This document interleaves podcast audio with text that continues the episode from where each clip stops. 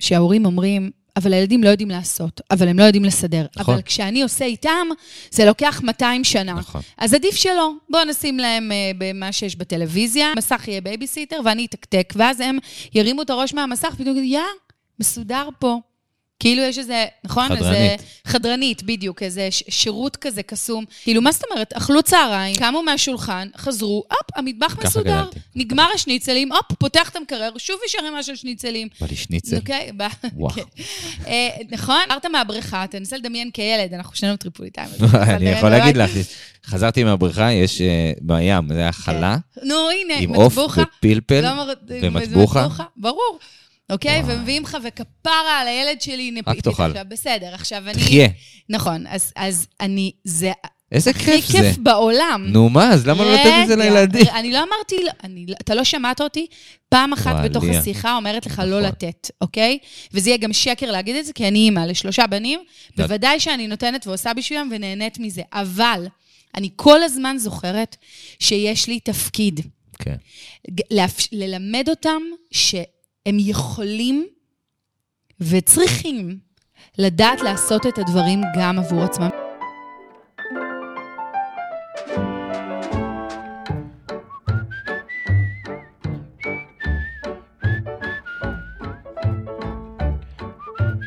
שלום לכל המאזינים והמאזינות שרצים איתי מרחק ומגיעים איתי לפרק השני בפודקאסט אימא'לה אני אבא. אני צח, אני כותב ויוצר את הבלוג אימא'לה אני אבא, ובכל שבוע אני הולך להביא לכאן אנשים מעוררי השראה שיאפשרו לנו להתבונן על ההורות שלנו, על הזוגיות שלנו ועל החיים בכלל בזווית קצת אחרת. השבוע בחרתי להביא את עדי הרפז כדי לדבר על שאלה שמעסיקה לא מעט הורים, והיא האם אנחנו מפנקים את הילדים שלנו יותר מדי? עדי היא מדריכת הורים, היא מרצה בנושא הורות ופסיכותרפיסטית אדלריאנית שמטפלת בהורים, זוגות וביחידים. את עדי אני מכיר קודם כל כי היא מדריכת ההורים שמלווה אותי ואת אשתי, אבל מאז שהכרנו הפכנו גם לחברים טובים וגם שותפים לתפיסת העולם בכל מה שקשור להורות. חוץ מזה, ששנינו גם טריפולטאים אסלים. אתמול היה פה מישהו, מהמם. והוא דיבר על המקום הזה של... אה, את יודעת מה זה, מה זה מתקשר לנו למה ש... מה שאנחנו הולכים לדבר? שני דברים שאני רוצה להגיד. אז הוא אמר על זה שאם אני רוצה לתת לילדה שלי ממתק, לא, אם הילדה שלי מבקשת ממתק ואני אומר לה לא, למה אני אומר לה לא? אמרתי לו, כי אני רוצה לשמור על הבריאות שלה, כי אני זה, ואז הוא אומר, אתה בעצם פוגע ב... ברצון הפנימי שלה ובהקשבה לעצמה. ואז אמרתי לו, ניסיתי להסביר לו, תקשיב, מה פוגע? אם אתה אומר לה לא? כן. כאילו אם אתה לא מאפשר שחרור מוחלט בדבר הזה. ואז בגיל מאוחר אתה אומר למה היא לא קשובה לצרכים שלה, כי אתה כאילו סירסת את המקום הזה. ואני מקשיב לו, ואני אומר, וואלה, לא מתחבר לי מה שאתה אומר לי. ואז דימיתי לו את זה, אמרתי לו, תשמע, אנחנו עכשיו בנפאל, יצאנו לטיול, בסדר? אני המנהיג. אני מדריך, אני נפאלי. צד שמאל פה, אני אומר לך, תקשיב, חמוד, אתה תלך פה שמאלה, פה מפולות שלגים. אני לא יכול לקחת אותך דרך שם. כדי להגיע לפסגה, אנחנו צריכים לקחת ימינה. סמוך עליי, אני המנהיג. אני, אני, אני, אני מורה הדרך שלך. מכיר ו- את התוואי, מכיר את הדרך, יש לך ניסיון. ניסיתי לדמות לו את זה ל- לילדים, כי הילדים יש דברים שהם לא יודעים, הוא לא יודע, הוא עוד לא, הוא גדל לתוך הדבר הזה, הוא לא יודע שסוכר זה מזיק, זה ממכר, כי זה ממכר, כי, כי ככה אה, אה, הנדסו את זה.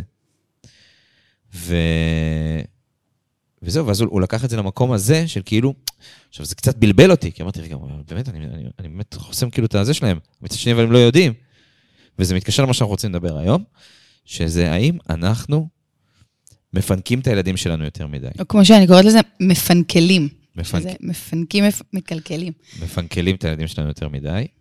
ואני חושב שזה גם קצת מתקשר לעולם הזה שאנחנו תמיד רוצים שהם יהיו מאושרים. לי נורא קשה שהילד שלי לא מחייך. חמוד אתה. מאוד קשה לי. אני אומר את האמת, אני תמיד יש לי איזה צורך כזה, מאז שהם קטנים, גם אם הם חולים, להיות ליצן החצר ברמת הפעלות, טלוויזיה, מתנות, כל הדברים, רק תחייך. תחייך, אני אדע שאתה מחייך, אני בטוב, אני מרגיש בסדר. כל הזמן? ברור שלא, אבל הרבה, כן. עכשיו, מה זה כל הזמן? גם צריך לשים לזה אם כוכבית. הם בוכים, אם הם מתוסכלים. אם יש לזה- אם- אם- אם- אין אם- בעיה, אין בעיה, אין בעיה, אבל אה, לפעמים נגיד, אה, היום בלילה, אה, לא היה לילה, לא ישנתי, והיה מתעורר, והיה לי ספק כזה אם הוא חולה, או לא- הוא לא מרגיש טוב, הוא השתעל, הוא היה כזה קצת עצוב. עכשיו, אתה יודע, את הילד שלך כאילו... אני, אני קורא לזה שאנחנו רודפי החיוכים של הילדים שלנו, זה, זה איזשהו צורך מאוד טבעי כזה, את יודעת, שהילד שלך אוכל. מה זה עושה לך? לי, אני אומר, אני רואה את הילדים שלי אוכלים, אני רואה אותם אוכלים בתיאבון. אני כזה אומר, וואי, איזה כיף, כאילו הם אוכלים איתי, אית, איתי, כאילו, זה הקיבה שלי. אז הרבה פעמים אתה, אתה יכול להתבלבל, ופשוט להיות באובר נתינה. ופה מעניין אותי לדעת איך אנחנו יכולים לשים את האצבע על איפה זה יותר מדי, איפה זה אהבה, אבל איפה זה קצת יותר מדי, זה פינוק. ומה המשמעות של זה? אוקיי, okay. אז בוא נתחיל שנייה מלהתייחס לזה שאמרת, אנחנו רודפי החיוכים של הילדים, ואני רוצה שהילדים שלי יחייכו ויהיו מאושרים. אמ, הילדים שגדלים היום, אמ, ואני רואה את זה, אין לי מילה לכמה אני רואה את זה, אוקיי? בקליניקה, בפגישות עם משפחות. ואגב, כמטפלת, שמטפלת גם במבוגרים, אני פוגשת את ה, מה שנקרא אקדח שהונח במערכה הראשונה בילדותם של אנשים, יורה במערכה בהמשך החיים, ויש לו משמעות בלי שאנחנו ערים לזה.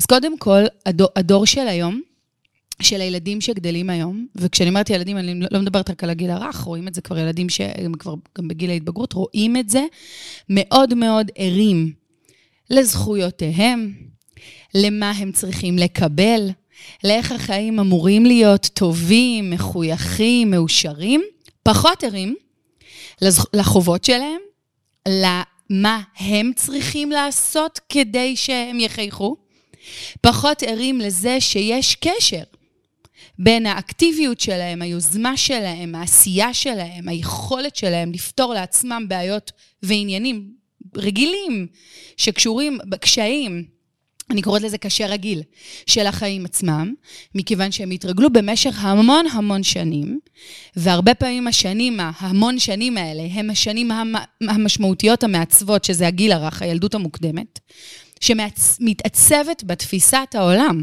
של מי אני ביחס לאחרים, ביחס לעולם, אה, מה אחרים אמורים לעשות בשבילי, איך אני משיג לעצמי מקום וערך. אני אצמד למשפט, ותסלח לי שאני ככה דגה אותו מתוך הדברים שלך, אבל זה רק לשם... אני אוהב את המשפט הזה, אני עומד מאחוריו. בסדר גמור, בוא, בוא, בוא נסתכל עליו שנייה. אה, אז אם אני הילד, רגע מנקודת המבט של הילד, ואני התרגלתי, אני עושה את זה רגע שחור לבן רק אה, to make my point, אוקיי? Okay? שיש מישהו. שרודף חיוכים עבורי, תחליף את המילה חיוכים בכל דבר, בסדר?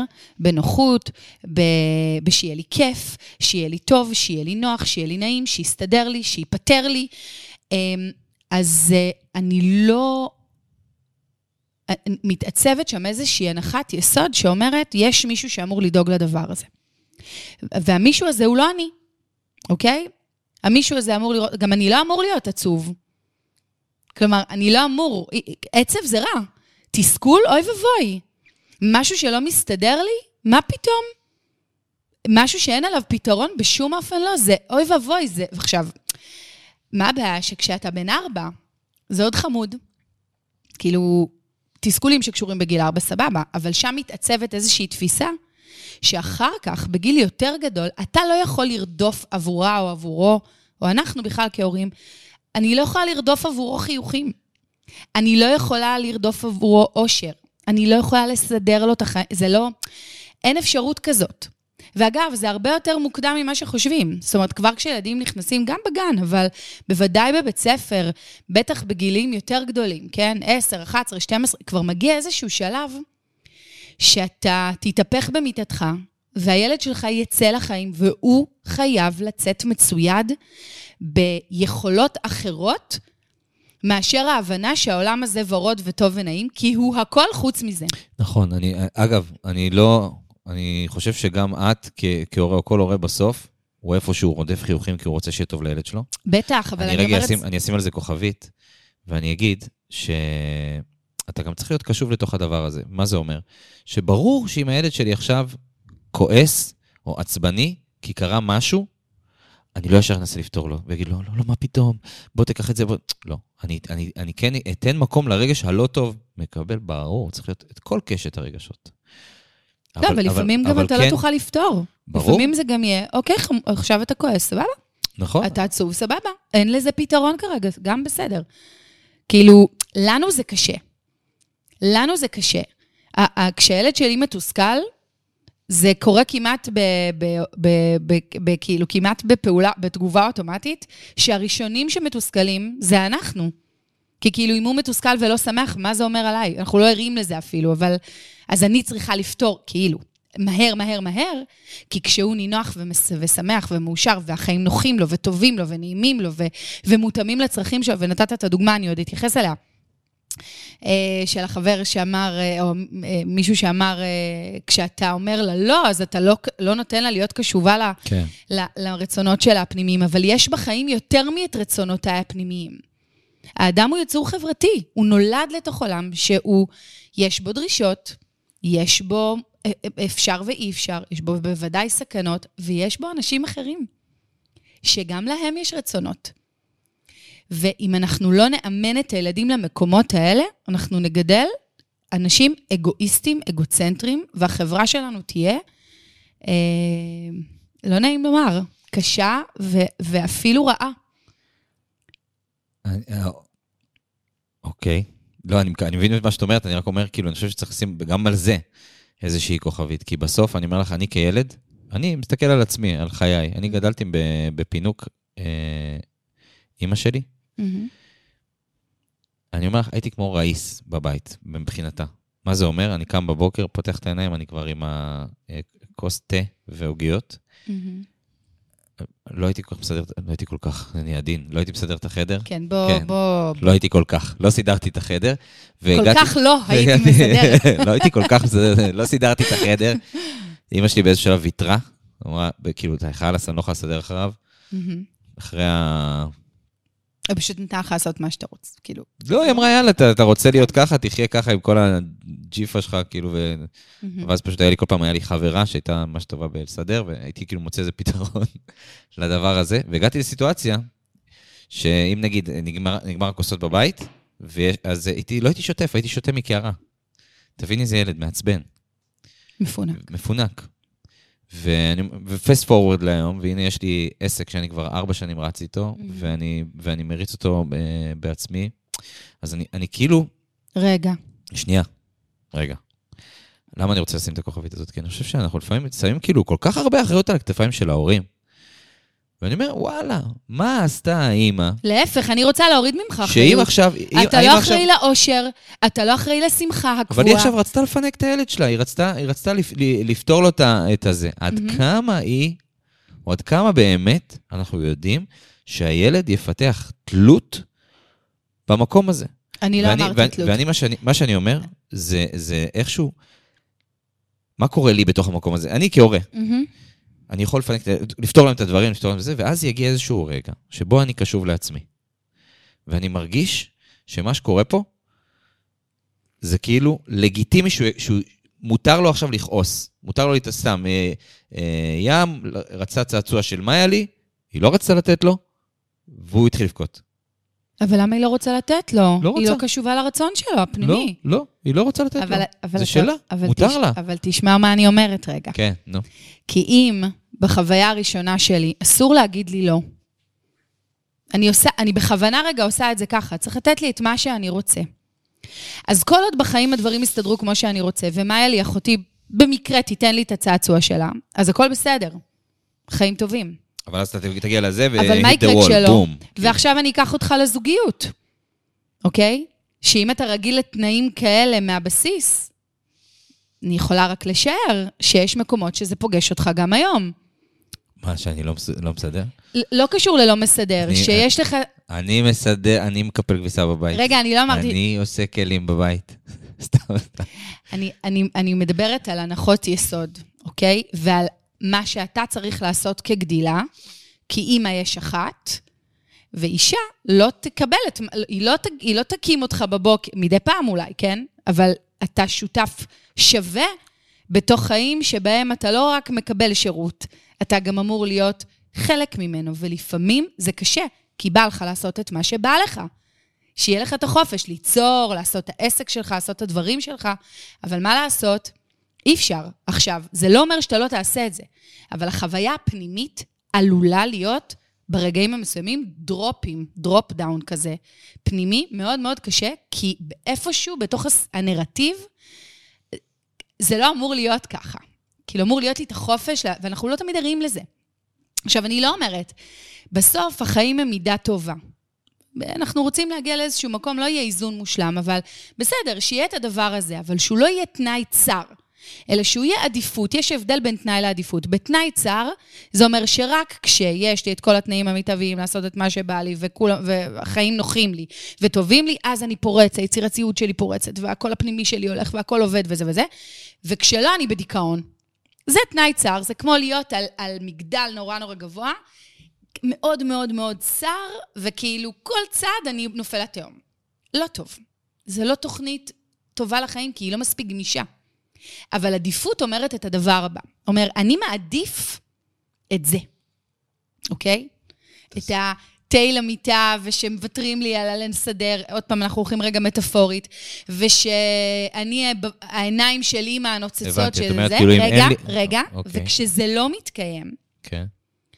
I hate it, but I can do it. כן, אוקיי. זה כאילו, אוקיי? זה הסיטואציה. בדיוק, ואני מסוגל לעשות את זה. והיום הורים, מאוד מאוד, עוד פעם, זה, זה גם, זה איזושהי תנועה של שינוי, כי פעם ההורות הייתה מאוד סמכותית, אפשר לומר אוטוקרטית, אפשר לומר אה, דיקטטורית אפילו במובנים מסוימים, זאת אומרת, מה שההורים אומרים, זה מה שהילדים עושים, מה שאבא אומר, זה מה שזה, אתה יודע, הייתה מין היררכיה כזאת כן. וזה. עם השנים, אה, זה התחיל להשתנות. גם החברה השתנתה לחברה דמוקרטית, כל קול קובע, המקום של הילד, היסטורית, אפשר להסתכל על זה ממש על timeline, כן? פתאום זכויות הילד וכולי. כן, שמעתי על זה איזשהו, זה היה איזושהי הקלטה, זה שפעם ילדים היו עובדים. בוודאי, מגיל מאוד צעיר, ופתאום, וחבל שלא. ופ... אני לא צוחקת. פתאום הם הפכו מילדים שעובדים לילדים שלא עובדים, ואז אתה צריך כאילו... הם הפכו משותפים, כן. משותפים למקבלי שירות. אצלי הם עובדים איתי. מצוין. הם עושים איתי, זה, אני לוקח אותם איתי לחווה, מדי פעם. תקשיב, זה, זה בהכל צריך להיות. כי, כי התחלתי להגיד, מה שקרה בתנועה הזו, זה שהורים אמרו, אוקיי, אני לא רוצה להיות ההורה ששולף את החגורה, ומאיים על הילדים, ועם ילדים שלא קשובים לרצונות שלהם, לא לצרכים שלהם, לא לרגשות. אנחנו יודעים את המשמעויות של זה. מצד שני, הרבה פעמים בגלל שלא ידעו איך הופכים להיות הורה מנהיג, אמרת בתחילת השיחה, אז אני פשוט אשחרר, כי אני, אני לא רוצה להגיד לה לא, כי אז יכול להיות שאני אדרוס לה את הרצון, או את הרגש, או את הרצון שלה, או את הקול הפנימי שלה. אז ויתרנו על, על, על הגבולות, על הכללים, על להפוך אותם, לאנש, לעזור להם להיות אנשים שיודעים לחיות עם אנשים אחרים בתוך חברה, גם לתרום, לא רק, אתה יודע, אמרת אובר נתינה, זה, אנחנו נותנים להם כל כך הרבה, ששכחנו לתת להם את הדבר הכי חשוב, שזה ללמד אותם לתת. אני יכול לקחת את הנקודה הזאת שאת אומרת, ואני חייב, אני אגיד גם, לא יודע מי יודע, אבל אנחנו, את גם מלווה אותנו באופן אישי. כאילו, אני מדי באופן אישי, וישבנו אצלה בקליניקה, ודיברנו על המקום הזה שאני מאוד מאוד מבולגן, בלגן לא מפריע לי, אה, ושאני יכולה להתחרפן מבלגן, והרבה פעמים אני אגיד, נגיד, עכשיו יש בלגן בבית, ואני אגיד, אוקיי, בוא נדליק עם טלוויזיה, ומפריע לך, בוא נתקתק את זה. ושאני אומר, לא, בוא, ננק, בוא ניתן להם לנקות. והייתי אומר לה, מה פתאום, הם ילדים, איזה לנקות? אני לא מדברת, הם לא יודעים לנקות, לא יודעים לסדר, לא יודעים לסדר, לא יודעים לסדר. ואני חייב להגיד לך שהיא התעקשה איתי על זה, מה זה התעקשה איתי? כאילו, אם שנים היא החליטה משהו, אז... אה, ברור. זה, זה כמו ארצות הברית, בזה יש וטו, והיא החליטה שאם למד אותם לנקות, ומה היה לי התחיל לסדר? ופתאום היה לי מסדרת את הים, עוד לא, הוא עוד לא שמה. הוא כאילו אומר, אני רוצה לסדר, אבל עדיף שלא יסדר בזה. Mm-hmm. בראייתי, כן, בראייתה עדיין לסדר, וזה קורה וזה עובד. והיא פתאום עוזרת. ובלי... היא לא עוזרת, היא שותפה. היא שותפה, אוקיי. תחשוב, אני אנסה לתת, לתת מטאפורה, שההורים אומרים, אבל הילדים לא יודעים לעשות, אבל הם לא יודעים לסדר. נכון. אבל כשאני עושה איתם, זה לוקח 200 שנה. נכון. אז עדיף שלא. בואו נשים להם uh, במה שיש בטלוויזיה, המסך יהיה בייביסיטר, ואני אתקתק, ואז הם ירימו את הראש מהמסך, פתאום יגידו, יא, מסודר פה. כאילו יש איזה, נכון? חדרנית. איזה חדרנית, בדיוק, איזה שירות כזה קסום. יש סרטון מגניב כזה, בטח ראית אותו, אה, של דווקא של גברים ונשים. שהיא אומרת לו, די, אני כבר לא יכולה, והוא אומר מה. עם הסל כביסה הקסם? כן, זה והוא אומר אצלי, לה... העליתי אה, אותו. אה, גם אצלך? לא יודעת, אני ראיתי את זה, זה רץ כזה ברשת, אז זה- זה זה כאילו, את לא מאמינה, יש... כן. אה, יש קסם, יש קסם בבית. קסם, אתה אני את חכי שנייה, חכי שנייה, תראי את זה, וכאילו זה נעלם. מסתכלת, תגידי, are you serious? בסוף היא העלימה גם אותו. כן. אז- זה השולחן, העלים אותו. אז גם הילדים הרבה פעמים חיים, כאילו, מה זאת אומרת? אכלו צהריים, ככה אני גדלתי. קמו מהשולחן, חזרו, הופ, המטבח מסודר. נגמר השניצלים, הופ, פותח את המקרר, שוב יש ערימה של שניצלים. בא לי שניצל. אוקיי, ב- וואו. כן. אה, נכון? כאילו, מה זאת אומרת? אתה- אתה אה, חזרת מהבריכה, תנסה לדמיין כילד, אנחנו שנינו טריפוליטאים. אני יכול בבית. להגיד לך, חזרתי מהבריכה, יש אה, בים, זה היה חלה, נו, הנה, עם עוף מטבוחה. ופלפל לא ומטבוחה. ברור. אוקיי, וואי. ומביאים לך, וכפרה על הילד שלי, נפיתי תאכל. עכשיו, בסדר, עכשיו אני... תחיה. נכון, אז, אז אני, זה איזה הכי כיף זה. כיף בעולם. נו מה, אז למה לא לתת את זה רגע, לילדים? אני לא אמרתי, לא- אני, לא- אתה לא שמעת אותי פעם אחת וואי, בתוך. השיחה אומרת לך לא נכון. לתת, אוקיי? וזה יהיה גם שקר להגיד את זה, כי אני אימא לשלושה בנים, לא. בוודאי שאני נותנת ועושה בשבילם ונהנית מזה. אבל אני כל הזמן זוכרת שיש לי תפקיד. כן. ללמד אותם שהם יכולים וצריכים לדעת לעשות את הדברים גם עבור עצמם. אני אתן לך דוגמה חיה ממש מהיומיים האחרונים. חזרנו מחו"ל, אנחנו בג'טלג, היינו בארצות הברית, היה כיף וכולי. אמ, שתיים בלילה, אני שומעת אקשן בבית, יש לי שני מתבגרים ואחד שבטוח שהוא כבר ממש מתבגר, הוא בן תשע. אני יורדת למטה, במטבח, אקשן. חבר, יש גם שני חברים היו, עשו חביתות, חיממו שניצלים. אני רואה את הבן הקטן שלי עומד, מכין פרנץ' טוסט, שתיים בלילה. מקצוע. מהמטבח, מה זה מקצוען? זה אגב, כמו שאתה עושה עם הילדים שלך, מגיל כלום, הם איתי בתוך המטבח, יודעים לעשות הכל, יודעים לסדר, יודעים זה, יודעים זה. אבל לא אוהבים את החלק של לסדר. האחריות. אוהבים את הכיף, אבל לא את האחריות. הגעתי, ערימה של כלים, הלוואי והיה לי תמונה, היית שם אותה גם עכשיו, אוקיי? כאילו עד הגובה של הברז. אמרתי להם, שומעים? אחלה, אתם לא הולכים לישון לפני שזה מסודר, אבל כבר שתיים, אבל עכשיו פתאום מאוחר, כן? לראות סרטים וזה, זה לא מאוחר. אמרתי להם, תקשיבו, מי שאוכל, צריך גם לנקות. זה חלק מהסיפור. זה בחיים. זה לא כי, כי, כי אני אימא. כי מחר, עוד דקה, אתם תגורו בדירה משלכם, אתם תלכו למחנה בצופים, אתם תלכו לצבא, אתם תעשו כל מיני דברים. אני צריכה לוודא שלכם יש את היכולות ואת המיומנויות לעשות את זה. אין בעיה, אגב, לא חובה לשמוח תוך כדי הפעולה, רצוי, זה כי זה יותר כיף, כן. אבל אפשר גם לקטר כל הדרך, ואחר כך אתם תרגישו סיפוק מזה שעשיתם משהו. והתחילו לריב ביניהם, מי אחראי, מי אכל יותר, מי בסדר, אחים. אולי פעם נדבר גם על זה. אמרתי להם, זה לא כל כך משנה לי, אני לא מתערבת לכם באיך תפתרו את העניין, ת, פשוט תפתרו אותו. ואם לא יהיה נקי, זאת גם אפשרות שלא תנקו, זה בסדר גמור, פשוט אני אסיק את המסקנה שאין יותר הכנות כאלה בלילה. אני פשוט לא יכולה, כי זה לא נעים לי לקום בבוקר למטבח. אני גם גרה פה, אנחנו גרים פה ביחד. והלכתי. וואלה. ואני שומעת אותם מתווכחים, ואני אומרת, אלוהים, מתפללת לאלוהי היכולות, אוקיי? שינקו. ש... שיפתר... יצלי... לא צריכה מושלם. שיתעורר החלק של האחריות, של הלעשות, של הלעשות משהו, של הלמצוא פתרון, של הלשנוא את אח שלך, כי אתה יודע שהוא אכל יותר, אבל עכשיו אין זה, ואתה צריך את הזה, כי מחר אתה גם רוצה לעשות, ואתם מבינים, וביחד מצליחים למצוא איזושהי דרך, והם אכן מצאו איזושהי דרך, ותקתקו את המטבח, ובשעה רבע לשלוש בלילה, אני בג'טלג, אז עוד הייתי ערה, הבן שלי בא אליי למיטה, אמר לי, אמא, סידרנו את הכל. לא ירדתי אפילו לבדוק. אמרתי, זה לא משנה, עשו טוב, לא טוב, בבוקר כבר אני אראה. אבל לפחות הם עשו. עכשיו, היום זה אצלי בבית, שאני יכולה לראות, להדריך, לאמן, לעודד, לפרגן, לבנות את היכולת, זה מה שאני רוצה.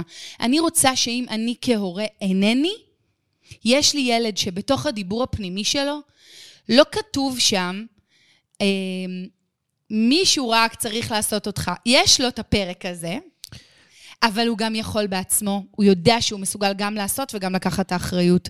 אז אני מנסה לתרגם את זה כאילו ל-day to day life, בסדר? מהמם. בעיקר בעולם של הקטנטנים. נגיד, ואני אה, משתף, אז קראת לחיים, אמרת, קראת לזה למשפחה כמו קיבוץ. כאילו ש... אמרתי, ממלון, לכם אמרתי, מ- לעבור כתודעה משפחתית, מבית מלון שבו יש נותני שירות להלן ההורים, כן. מקבלי שירות ילדים, לקיבוץ שבו לקיבוץ. כולם שותפים. אז יכול להיות שהעניין הזה של כאילו, אתה עדיין יכול להיות רודף החיוכים של הילד שלך, אבל מצד שני, תוך כדי שהוא שותף. שהוא שותף. חד ואז, משמעית. נגיד, אני אצלי זה בדברים קטנים, בבוקר שים רוצה מעדן, אני לא מביא לו אותו. הוא הולך לקחת. הוא רוצה, הוא לוקח את השפשף, קורא לזה שפשף, הוא לוקח את השפשף, והוא הולך ולוקח עם עצמו מעדן. גם אם זה אומר שהוא פותח את המקרר עכשיו על 4,000 והדלתות כמעט נתלשות, הוא עושה את זה, והם רוצים מים, אז הם לוחצים בתמי 4 ומביאים לעצמם. דברים קטנים, קטנים, זה לא קטן, זה תואם את הגיל שלהם, פלוס, אפשר עוד אפילו. כן, ואז פתאום מתחיל העניין הזה של לסדר את הבית. ואם אני שואל אותך, איזה דבר, א- איך, כאילו, את רואה את זה, איך אפשר להכניס את זה לשגרת החיים שלך? כאילו, מה...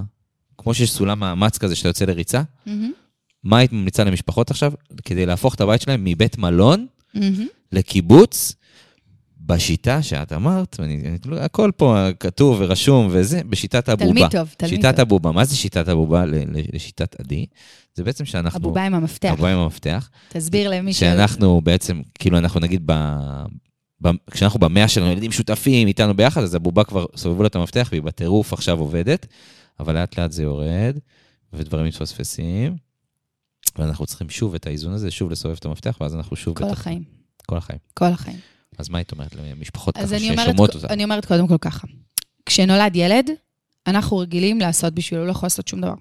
אנחנו צריכים להאכיל אותו, להחליף לו, לקלח אותו, טה-טה-טה. אנחנו רגילים להיות מאוד מאוד אקטיביים. אנחנו צריכים קודם כל לשנות גרסה, לאט-לאט, בסדר? אם, אם נגיד זאת אפליקציה, אז להוריד לה עדכון. כל הזמן לעדכן את הגרסה. למה אני מתכוונת? אצל הורים תקתקנים שעושים הכל, הכל, הכל, אין מה לעשות, גדלים ילדים, בטח בגיל הרך, מבינים את המשמעות, יש מי שנותן שירות, יש מי שמקבל שירות. בתור התחלה, לעשות פחות. לעשות פחות. נתת דוגמה של המעדן, כן? לפעמים ילד בא אליי, כשהם היו קטנים, הם היו באים, אמא, תפתחי לי. אני, מה הבעיה שלי לפתוח לו את המעדן? תביא את המילקי. נכון? סיימנו. שולחת אותו לאח שלו. אני כן, עסוקה. ת, ת, ת, הנה, עומר יעזור לך. עכשיו, הוא בכלל לא התכוון לעזור, זה לא התכוון לבקש, זה שולח אותו לעוד פעולה, אבל הרווחתי כמה דברים. ההוא תורם להוא, הם לומדים לשתף פעולה, הוא לקח את המעדן בכוחות עצמו, הוא עזר, תזכיר לאח שלך לשים את זה רגע בפח. זאת אומרת, כל הזמן אני רוצה לייצר, אחד, אינטראקציה, כי אני רוצה לפתח את ה... את ה-social interest. יש לי דוגמה מעולה, בדיוק על זה, שהיינו בים, וים שיחק עם, היינו בים וים שיחק עם, עם כוס חד פעמית, ואז מאלי אמרה, אני רוצה גם כזאתי. אז אמרתי לה, אוקיי, לכי למלצרית, תבקשי ממנה. לא, אבא, אתה תבקש. לא, נכון? כי היא רגילה. כי רגילים בהתחלה. נכון. לא, אני לא מבקש. את רוצה, תבקשי. והיא, אה, לא, אה, בסוף הלכה ביקשה ממנה. זה כמו מה שמתארת, זה כזה מין אימונים קטנים כאלה. זה לא קטן. זה ממש איים של אימון בדבר הזה. גדול. ואני רוצה להגיד להורים, פתחו את העיניים ואת האוזניים, תרימו את הראש מה- מה-day to day, תתחילו להסתכל בכל המקומות שאתם חיים בהם, הילדים יכולים לעשות, יכול, ילדים יכולים לעשות הרבה הרבה יותר ממה שאנחנו חושבים. באמת, בעשרות מונים. השבוע לקחתי את הבן שלי, הוא, הוא בן אה, עוד מעט 15, הוא הרגיש לא טוב, ביקש ללכת לרופאה. שזה, אגב, מדהים, כי כשהם קטנים, אתה מזהה שהוא מרגיש לא טוב, אתה מחליט ללכת לרופאה, אתה זה, וככל שהם גדלים, לאט-לאט זה. אני זוכרת איך כל השנים הייתי הולכת איתו לרופאה. בהתחלה מדברת עבורו, אחר כך אומרת לו, אה, תגיד לה תודה, נכון? לאט לאט כן. מתחילים זה. אחר כך אומרת לו, היא אומרת, מה הוא מרגיש שזה, נכון? אז בואי בוא אתה תספר הדובר, לה, הדובר. בוא תגיד לה, ואני אעזור, ואז הוא אומר איזה שתיים ורבע מילים, ואתה אומר משהו. והשבוע הלכנו, וזה כבר מזמן, אבל פתאום ראיתי את זה. מא' עד ת', אני ליוויתי אותו כי עד גיל אה, בוגר, אתה עדיין צריך ללוות אה, קטינים, אבל הוא כבר היה, לב... זה כבר שלו. הוא נכנס, הוא דיבר, הוא אמר, היא דיברה אליו, הוא זה, הוא אמר לזה, היא הסבירה לו מה, מה, איך הוא צריך לקחת, מה הוא צריך לעשות, אמר לה תודה רבה בנימוס. ראיתי בן אדם מתנהל בעצמו בעולם, עלו לי דמעות. מדהים. ממש. כאילו אמרתי, זה עשה לי כזה גם גאווה, אבל גם קווץ', כי הרגע הזה שהם לא צריך, הם כאילו לא הם פחות צריכים לא אותנו צריך. תמיד רגשית וכולי וכולי, אבל, אבל וואלה, זאת המטרה. שמחר, מחרתיים, כשהוא יצטרך לעשות את הדברים האלה לבד, יש לו מספיק ביטחון, כי הוא התאמן הרבה שנים בין אם הוא ער לזה ובין אם לא, בעזרתנו ובעידודנו, לעשות עוד ויותר דברים בכוחות עצמו. וזה לא פייר להישאר הגיבור על. אני רוצה להפוך אותם לגיבורי על בעצמם, שהם אלה שיכולים לעשות את זה. אז הדבר הראשון, תעשו פחות. פחות. כל מה שילדים יכולים לעשות, בבקשה תיתנו להם, ותזכרו שהם זכאים גם לטעויות שלהם. ושם אני לא צריכה לרדוף חיוך, שם אני צריכה לרדוף למידה, להגיד טעות, איך אני שמחה שיש טעות. כי מטעויות לומדים. בואו נלמד את השיעור, נאסוף אותו לתיק, נמשיך הלאה להתאמן ועוד לעשות. אז זה נורא נורא חשוב, ומכיוון שאנחנו עסוקים ועמוסים ועובדים, לא תמיד יש לנו כוח לזה.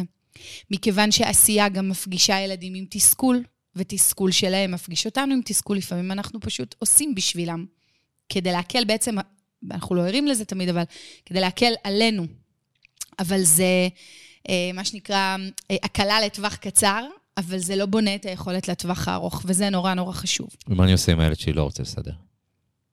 בסיטואציה, את תיארת סיטואציה שבסוף הם סידרו. אני, היו לי לא מעט מקרים mm-hmm. שהם פירקו את הבית. כן. ואמרתי להם, בואו בוא, בוא נסדר, בואו נסדר ביחד, בואו נעשה איזה משחק, בואו זה, ואבא. כלום, כאילו, כלום? לא סידרו. אה, כאילו, איפה הם כן סידרו? מה היה? פעם, היה לי ממש עכשיו, אנחנו בתוך, מקליטים באוגוסט, לא יודע מתי זה היה, אבל כרגע אנחנו בתוך אוגוסט, והיה רגע שים פשוט רץ עם קופסה של טושים, זה היה כבר איזה עשר וחצי בלילה, כן, הוא היה מעבר לשעת שינה שלו, היו דברים כאילו...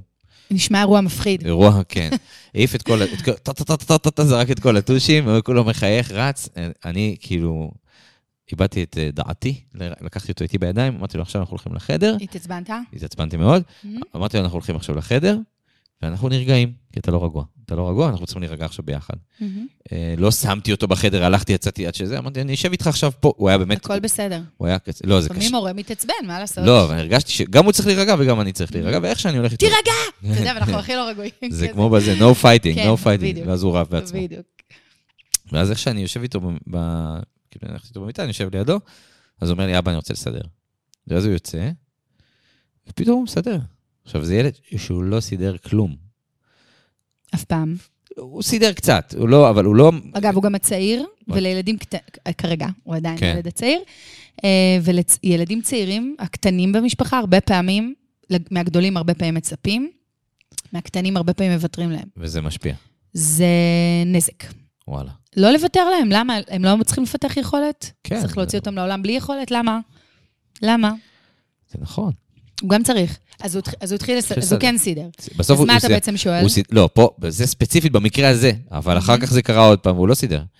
אז מה, מה אנחנו עושים כש... כש... אני אומר, אוקיי, אני רוצה שאתה תהיה שותף, אני לא רוצה לפנק אותך, את, איך קראת לזה? לפנקל. לפנקל אותך. לקלקל, נכון. אני רוצה שאתה תהיה חלק מהבית, אבל הוא אומר לי, אבא, ש... במילים אחרות, אבא, מעניין לי את ה... לא רוצה להגיד את מה? את הביצה. עכשיו... זה פודקאסט, מותר. כן, כל הבלאגן זה שיש בבית. תסדר, אני לא מתעסק עם זה, תעזוב אותי. כן. תשחרר אותי, אני רוצה לראות טלוויזיה. אז בא לי להחזיר לך בשאלה. נו, תחזירי. לא, מה לדעתך? כאילו, מה, מה בסוף, איך נדע? רק פנימיה. מה אנחנו רוצים, פנימיה. קודם כל זאת אופציה, סתם, אבל מה אנחנו רוצים, אני, שואל, השאלת מפתח שאני אשאל, מה אני רוצה ללמד אותו? אני, אני, אני מבין, אני רוצה שהוא יהיה ידע שיש לו חלק, שהוא חיוני, שאני צריך אותו. תגיד, בחיים, אם החיים יגידו לו. אני מסתכל על עצמי, אותי שנים לא הצליחו ללמד את הדבר הזה. כי אמא שלך ויתרה, כפרה עליה. כן. אוקיי? אבל אם נגיד, אה, לצורך העניין, אם החדר שלך לא היה מסודר, אני יכולה רק לדמיין את הצחנה כמתבגר, אוקיי? ואת הבלגן. אבל לא מסודר, אז הבגדים שלך לא מכובסים, אלא אם כן אתה מביא אותם לכביסה. היא מוכנה לכבס, היא מחכה לכביסה. היא תשמח לכבס לך וגם לקפל, אוקיי? אבל אם אתה לא, היא לא תיכנס לך לחדר. אם אתה תדאג להביא את הבגדים לסל הכביסה, הכביסה תחזור נקייה. הנה, חצי קסם. שירות. כן, כן. נגיד, בסדר? היא מוכנה לכבס לך. אבל אתה תצטרך לסדר או להביא את הכביסה, ואתה לא מביא את הכביסה, אז היא לא נכנסת לחדר. אבל מה תעשי בשנתיים, שלוש? ואז אחרי יומיים, רגע, אני, אני אלך לדוגמת, אני, למשל, מרימה הטושים. כרגע לא יהיה טושים. אז אנחנו אומרים סנקציות. לא, אני זה... אם אני, נתת דוגמה מקודם, אמרת, כל הבית בלאגן. הוציאו את המשחקים האלה, ואת הקוביות, ואת המכוניות, ואת הטושים, ואת הזה, ואת הזה, וכאילו, וסירים מהמטבח, נכון? אני, אני יכולה לדמיין איך זה קורה. זה פיגוע של צעצועים. פיגוע של, שלא רק צעצועים, כי בגלל שאם מותר, אז מותר, אוקיי? אז בא לי עכשיו כפות, בא לי כפות לתוך האמבטיה, בא לי אמב... מהברז את המים, כי אני עכשיו עושה... רגע. אז אם למחרת צריכה להיות לזה איזושהי תוצאה, איזושהי משמעות. כי אם הכלל שלנו בבית זה שאנחנו משחקים בצורה מסודרת, אז מחר אני אגיד, אנחנו נקפיד שאתה מוציא משחק, ואתה לא יכול להוציא את המשחק, עד להוסיף... ש... עד, את המשחק הבא עד שאתה לא מסיים. אני חייב להוסיף לזה משהו, והוא רלוונטי לתקופה שאנחנו חיים בה. בסדר? את אומרת מפונקים, אנחנו חיים בתקופת שפע. כמות הצעצועים... מוגזמת. מוגזמת. כמות נכון. הצעצועים שיש בבית, אני הרבה פעמים אומר לשני, אני אומר לה, ממי, די, בואי ננקה קצת. אז היא כל פעם, היא עושה פרויקט. היא יוצאת לפרויקט, מורידה 80 אחוז, פתאום עוד בום, מלא דברים. רק עכשיו היה יום הולדת לים, אני אומר לך, איזה, איזה 200 מתנות. מוגזם. בכל מקום, יש, עכשיו, אתה גם לא יודע מה זה מה. כאילו, מה אני עושה כאסטרטגיה? אני לוקח פשוט אה, ארגזים ענקים. מחביא. שם הכל, שם הכל בתוך ארגזים. אז אנחנו גם יוצרים איזושהי תרבות של שפע לילדים, אז יש להם שפע. לא שפע, שפע מוגזם. הגזמה, שפע מוגזם. מוגזם. מצד אחד, mm-hmm. מצד שני, כשקורה הדבר הזה בעיניי, נגיד שמתחילים לפזר את הדברים האלה, הם פשוט כאילו קצת אומרים לך, אבא, מש, כאילו משעמם, אין לי, אני רוצה לחקור את העולם. מאבדים ו... עניין. אז אני גם קצת אשם בתוך הדבר הזה, כאילו בתוך הסיטואציה הזו שנוצרה.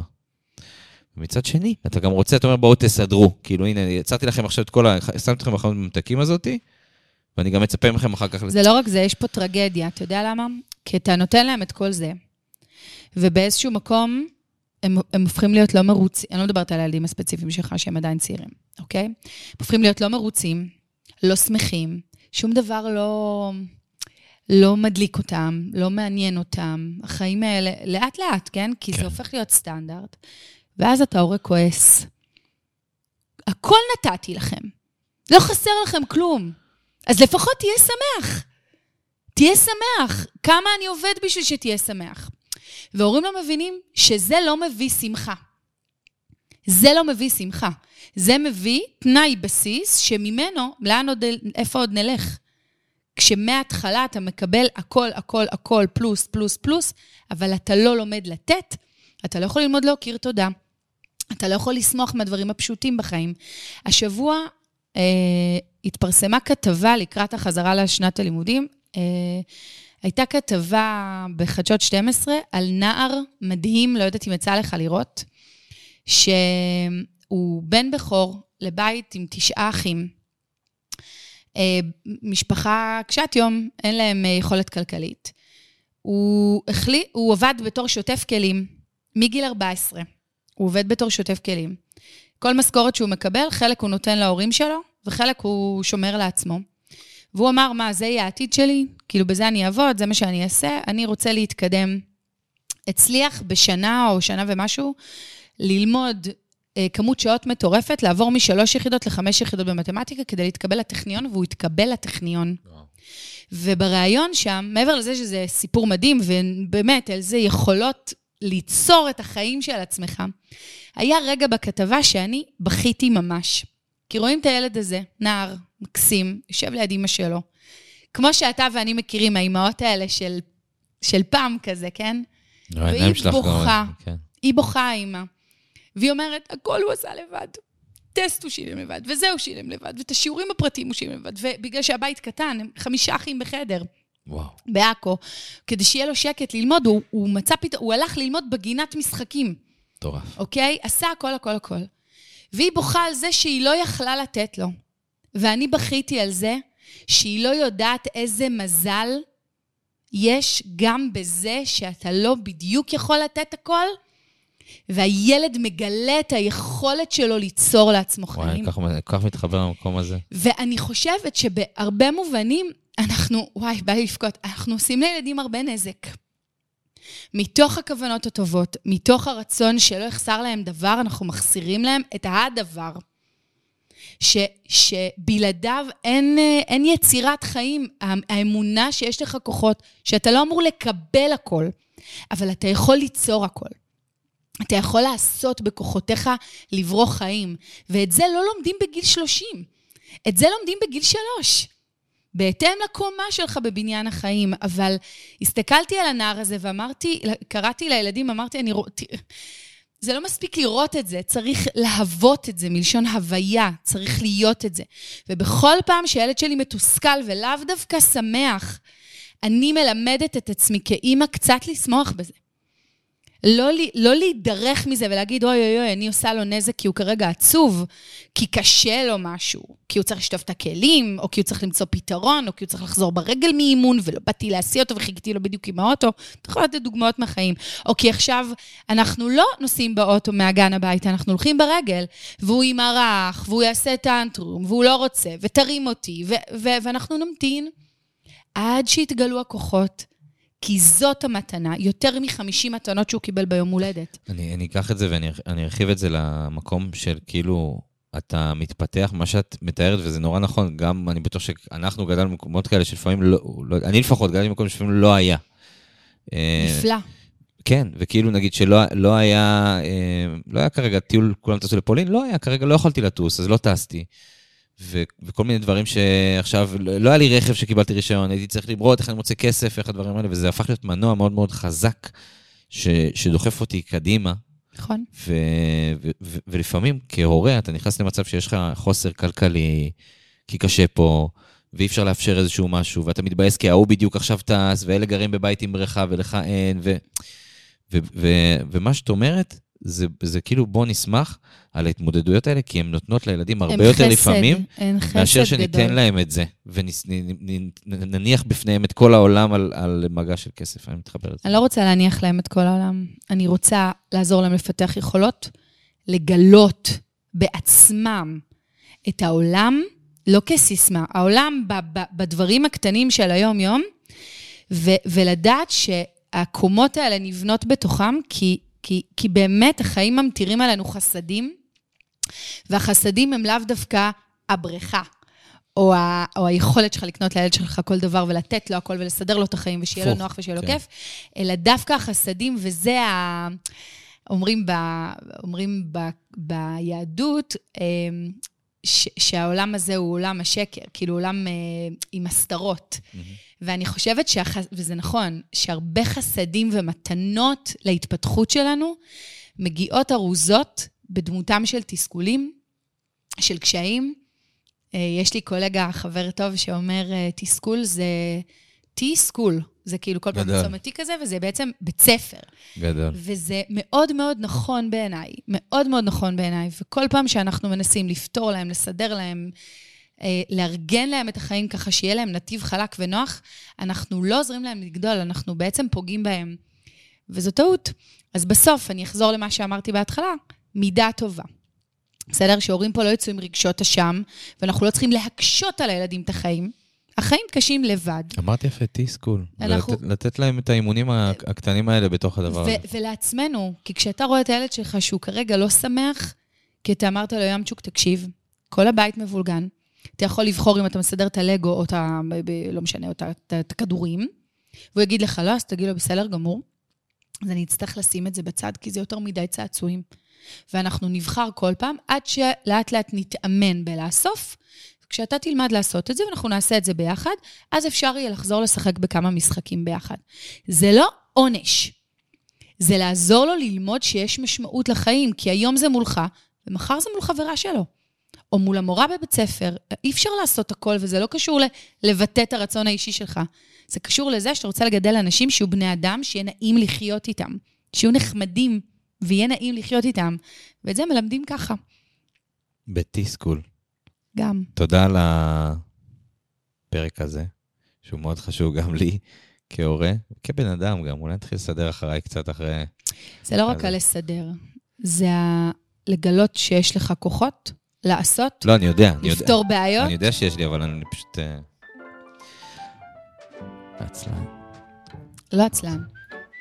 קצת מפונק.